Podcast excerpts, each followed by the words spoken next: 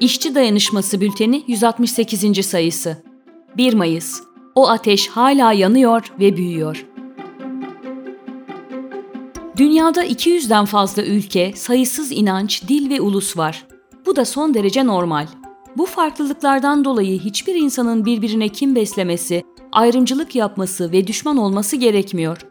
Ancak kapitalist sömürü düzeninin egemenleri kendilerini en tepede tutmak için bu farklılıkları bir düşmanlaştırma aracına dönüştürürler. Farklı din, dil ve ulustan emekçiler bu düşmanlaştırma oyununa geldiği ve birbirlerine diş bilediği sürece kazanan daima egemenler olur. Oysa farklı inanç, dil ve deri rengine sahip emekçilerin birbiriyle hiçbir alıp veremediği yoktur. Sermaye sınıfı hiçbir ayrım yapmadan hepimizi iliklerimize kadar sömürüyor. Öyleyse dünya işçi sınıfı olarak her türlü sentetik ayrımı bir kenara koymalı, emeğimizi sömüren asalaklar sürüsüne karşı birleşmeliyiz. İşte 1 Mayıs tüm bu farklılıkları aşan ve milyarlarca emekçiyi birleştiren bir gündür. İşçi sınıfının sömürüye karşı mücadelesinde simgeleşen 8 Mart ve özellikle de 1 Mayıs dışında hiçbir özel gün ve bayram tüm bu farklılıkları aşıp milyarlarca insanı aynı bayrak altında birleştiremiyor. Bir düşünelim, bu muazzam bir şey değil mi? Afrika'nın derinliklerinden Latin Amerika'ya, Türkiye'den Çin'e, oradan Avustralya ve Avrupa'ya farklı din, dil ve renkten insanlar kardeşlik duygularını kuşanarak sömürüye, savaşlara, baskı ve zorbalığa karşı çıkıyor.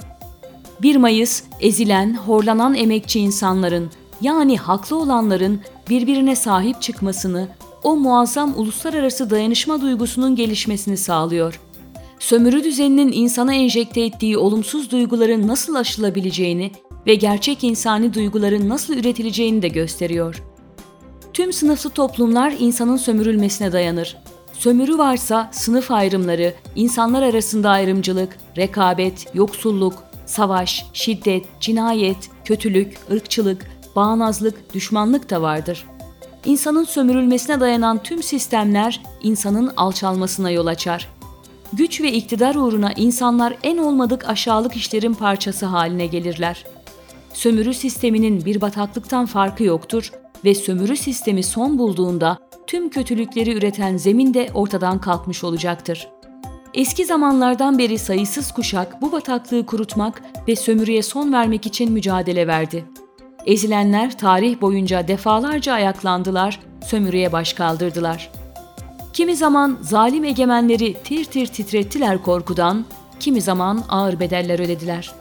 Köleler, serfler, ezilen halklar her ayağa kalktıklarında umut yeniden yeşerdi, değişim isteği can buldu, tarihe kazıdılar izlerini.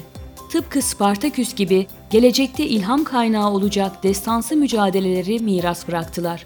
Kapitalizmle birlikte bu mücadele evrenselleşip doruğuna ulaştı.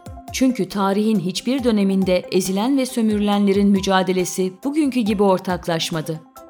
Kapitalist sistem öyle bir sınıf yarattı ki dili, dini, rengi, yaşadığı coğrafya ne olursa olsun milyarlarca insanın mücadelesini ve kaderini ortaklaştırdı. İşte 1 Mayıs bu mücadelenin bir sembolüdür. 1 Mayıs'ta simgeleşen şey insanlığın sömürüden kurtulma, özgürlük ve barış dolu dünya özlemidir.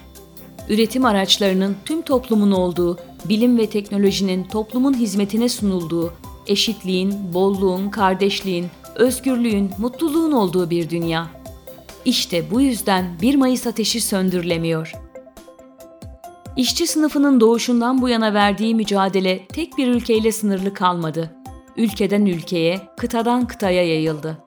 Ve 1 Mayıs gibi tüm dünya işçilerinin ortak duygularla ve taleplerle alanlara çıktığı evrensel bir mücadele günü oluştu.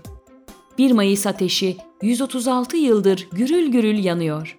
Bu ateşi yakanlara, bugüne taşıyanlara, dünya işçi sınıfına selam olsun.''